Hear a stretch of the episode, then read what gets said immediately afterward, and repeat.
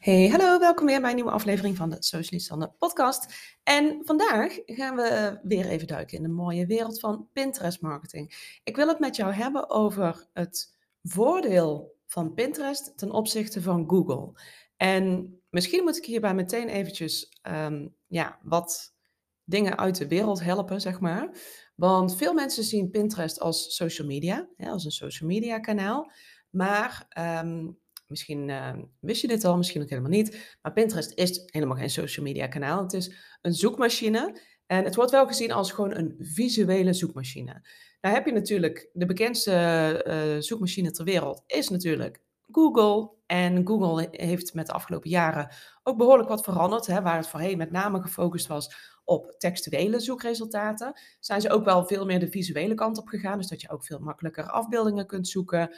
Uh, je kunt makkelijker video's uh, zoeken vanuit YouTube.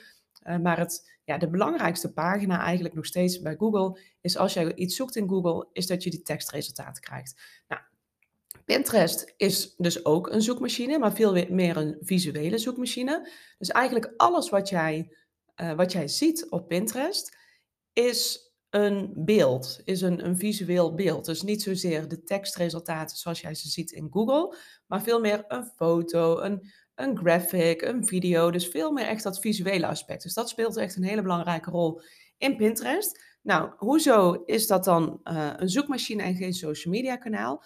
Nou, hoe Pinterest werkt en wat het dus ook meteen zo'n mooi kanaal maakt qua uh, duurzaamheid. Hè. In de vorige aflevering had ik het al over duurzame content, waarbij je dus niet één keer bijvoorbeeld een post plaatst en ja, daar gebeurt dan wel of niet iets mee en dat was het weer. Met duurzame content en dus een duurzaam kanaal, zoals Pinterest inzetten voor je content, zorg je dus voor dat jij uh, bijvoorbeeld jouw blog, hè, ik neem even een blog als voorbeeld, dat dat niet één keer voor iemand getoond wordt in zijn tijdlijn, maar dat, dat die gewoon continu terug kan komen. Als iemand zoekt naar het onderwerp waar jouw stuk content over gaat, dan kan die dus continu getoond blijven worden. Nou, super duurzaam, want dat betekent dus dat hè, de content waar jij nu de tijd in steekt, dat die voor maandenlang, jarenlang zelfs resultaten op kan leveren. Hè? Dus dat mensen op jouw website komen, dat je daar nieuwe leads uithaalt. Hè? Mensen die uh, een gesprek met je aanvragen of je weggever downloaden. En uiteindelijk zelfs klanten kunnen daar nog uitkomen. Dus het kan zomaar zijn dat jij vandaag iets plaatst en dat daar over een jaar nog iemand uitkomt, zeg maar. Dus dat is um, het stukje uh, zoekmachine, want mensen zoeken dus een bepaalde, hè, ze typen een bepaalde zoekopdracht in, in, in Pinterest, net zoals wat je doet in Google, en dan komen er resultaten. Nou, dat maakt het natuurlijk super interessant. Alleen, nou zit er wel nog een behoorlijk verschil tussen, uh, tussen Google en Pinterest. En dan heb ik het normaal, normaal heb ik het met name even over het stukje uh, hoe optimaliseer je je artikel. Hè? Als ik het heel even bij, die, bij, die blog, bij dat blogartikel houd. Hoe optimaliseer je nou een blogartikel voor Google en hoe voor Pinterest? Nou, een belangrijke verschil is, um, er, zijn, uh, er komen best wel wat technische dingetjes ook bij kijken, maar als je even gaat kijken van wat, is, wat zijn de dingen die jij eenvoudig kunt doen om ervoor te zorgen dat jouw uh, blog wordt getoond in Google, hè, of jouw landingspagina, of hè, welke willekeurige pagina van je website het dan ook is, is dat jij, nou, je richt die pagina in, dus je schrijft een tekst, daar neem je natuurlijk je zoekwoorden in mee. Nou, dat is in principe gewoon gelijk voor Pinterest, want diezelfde pagina ga je gebruiken voor Pinterest. Maar als jij die pagina wil dat die gevonden wordt in, in Google, dan moet je daar een zoekwoord aan koppelen. Dus je gaat een, een belangrijke zoekwoord of een paar zoekwoorden, daar ga je je op focussen voor die ene pagina. Stel dat jij nou een blog hebt geschreven waarin jij meerdere tips aanhaalt. Stel je voor dat jij een blog hebt geschreven over uh, hoe, uh, zo kom je lekkerder in je vel te zitten, ik noem maar even iets. Dan kan het zijn dat jij, uh, dat jij bijvoorbeeld eh, een aantal tips geeft. Bijvoorbeeld een aantal tips over hoe jij meer mindful kunt zijn, hoe jij gezonder kunt eten, hoe jij beter kunt bewegen. Dus dat zijn eigenlijk drie totaal verschillende onderwerpen. Ja, de overkoepelende factor is dan wel dat lekkerder in je vel zitten. Uh, maar de tips die jij gaat delen, of de, de, onderwerpen die je aankaart, die zijn wel behoorlijk verschillend. Als jij nou die pagina moet gaan optimaliseren voor uh, Google, moet jij er eentje kiezen. Wat is het waar jij op gevonden wilt worden? Je kunt niet zeggen van nou, en ik wil en dit en dat en dat. Want dan, dan kan Google, die, zo werkt dat niet in Google, zeg maar. Dus je schrijft daar één titel en één stukje omschrijving, waarin je zoveel mogelijk toespitst op het zoekwoord waar je op gevonden wil worden. Dus dat betekent dat jij sommige onderwerpen niet kunt uh, benoemen. Kijk, als jij één artikel hebt dat echt heel duidelijk over één onderwerp gaat, prima. Maar soms heb je ook gewoon artikelen die wat, ja, wat, wat breder ingestoken zijn, hè, waar je wat meer onderwerpen aankaart. Nou, op Google gaat het dus niet zo makkelijk, omdat je daar dus echt focust op één uh, zoekterm waarop jij gevonden wil worden. Wat is nou het voordeel ten opzichte van Pinterest? Want Pinterest, daar kun jij zelf, je maakt daar dus zelf afbeeldingen uh, die verwijzen naar jouw website, dus naar dat blogartikel even in dit voorbeeld. En daar kun jij zelf dus voor kiezen waar jij op focust. Dus jij zou een, een, een pin kunnen plaatsen waarin je zegt, um, nou zeg even, ik noem maar even iets, uh, drie tips om lekker in je vel te zitten. dat zou een pin kunnen zijn waarmee je dus mensen daarmee naar jouw website trekt. Maar dat kan ook zijn uh, waarin je al heel specifiek focust op bijvoorbeeld dat stukje mindful uh, zijn, dat stukje bewegen, dat stukje voeding. Dus dan kun je eigenlijk meerdere haakjes, uh, koppel je eigenlijk aan dat blogartikel. Dus je kunt meerdere hengeltjes uitwerpen, zo zie ik het eventjes, meerdere hengeltjes uitwerpen naar jouw doelgroep toe. En de een die zal denken, oh, ik wil inderdaad wel iets meer weten over voeding. En de andere denkt, nou, ik wil wel iets meer weten over dat stukje mindful zijn. En de ander denkt gewoon, nou, kom maar op met die tips over dat uh, lekker in je vel zitten. Uh, dus je kunt meerdere hengeltjes eigenlijk uitwerpen in die vijver. Hè. Ik zie het altijd een beetje voor me als een, uh, een vijver met daarin jouw doelgroep. Hè. Jouw, jouw doelgroep, jouw ideale klanten, die, die dobberen daarin rond. En jij werpt een hengeltje uit en daarmee wil jij dus jouw doelgroep eigenlijk naar je toe trekken, naar je website toe trekken. Bij Pinterest kun je dus meerdere hengeltjes uit gaan werpen, die allemaal naar hetzelfde artikel leiden. Dus daarmee zorg je er eigenlijk voor dat jij voor een, een bredere groep, die wel allemaal uiteindelijk hetzelfde willen, als het ware, uh, maar dat jij meerdere ja, uh, haakjes uh, uitwerpt, zeg maar. Want de een zal happen op het ene en het ander zal happen op het ander. En daarmee ja, als je dat dus vergelijkt met een Google, kijk, Google, daarmee moet je dus één haakje kun je uitwerpen en dan maar hopen dat ze daarop bijten. En op Pinterest kun je dus meerdere haakjes uitwerpen, meerdere hengeltjes, en heb je ook meer kans dat zij bijten. Dus dat is een behoorlijk verschil ten opzichte van Google. Nou ben ik zelf wel echt een groot voorstander van beide.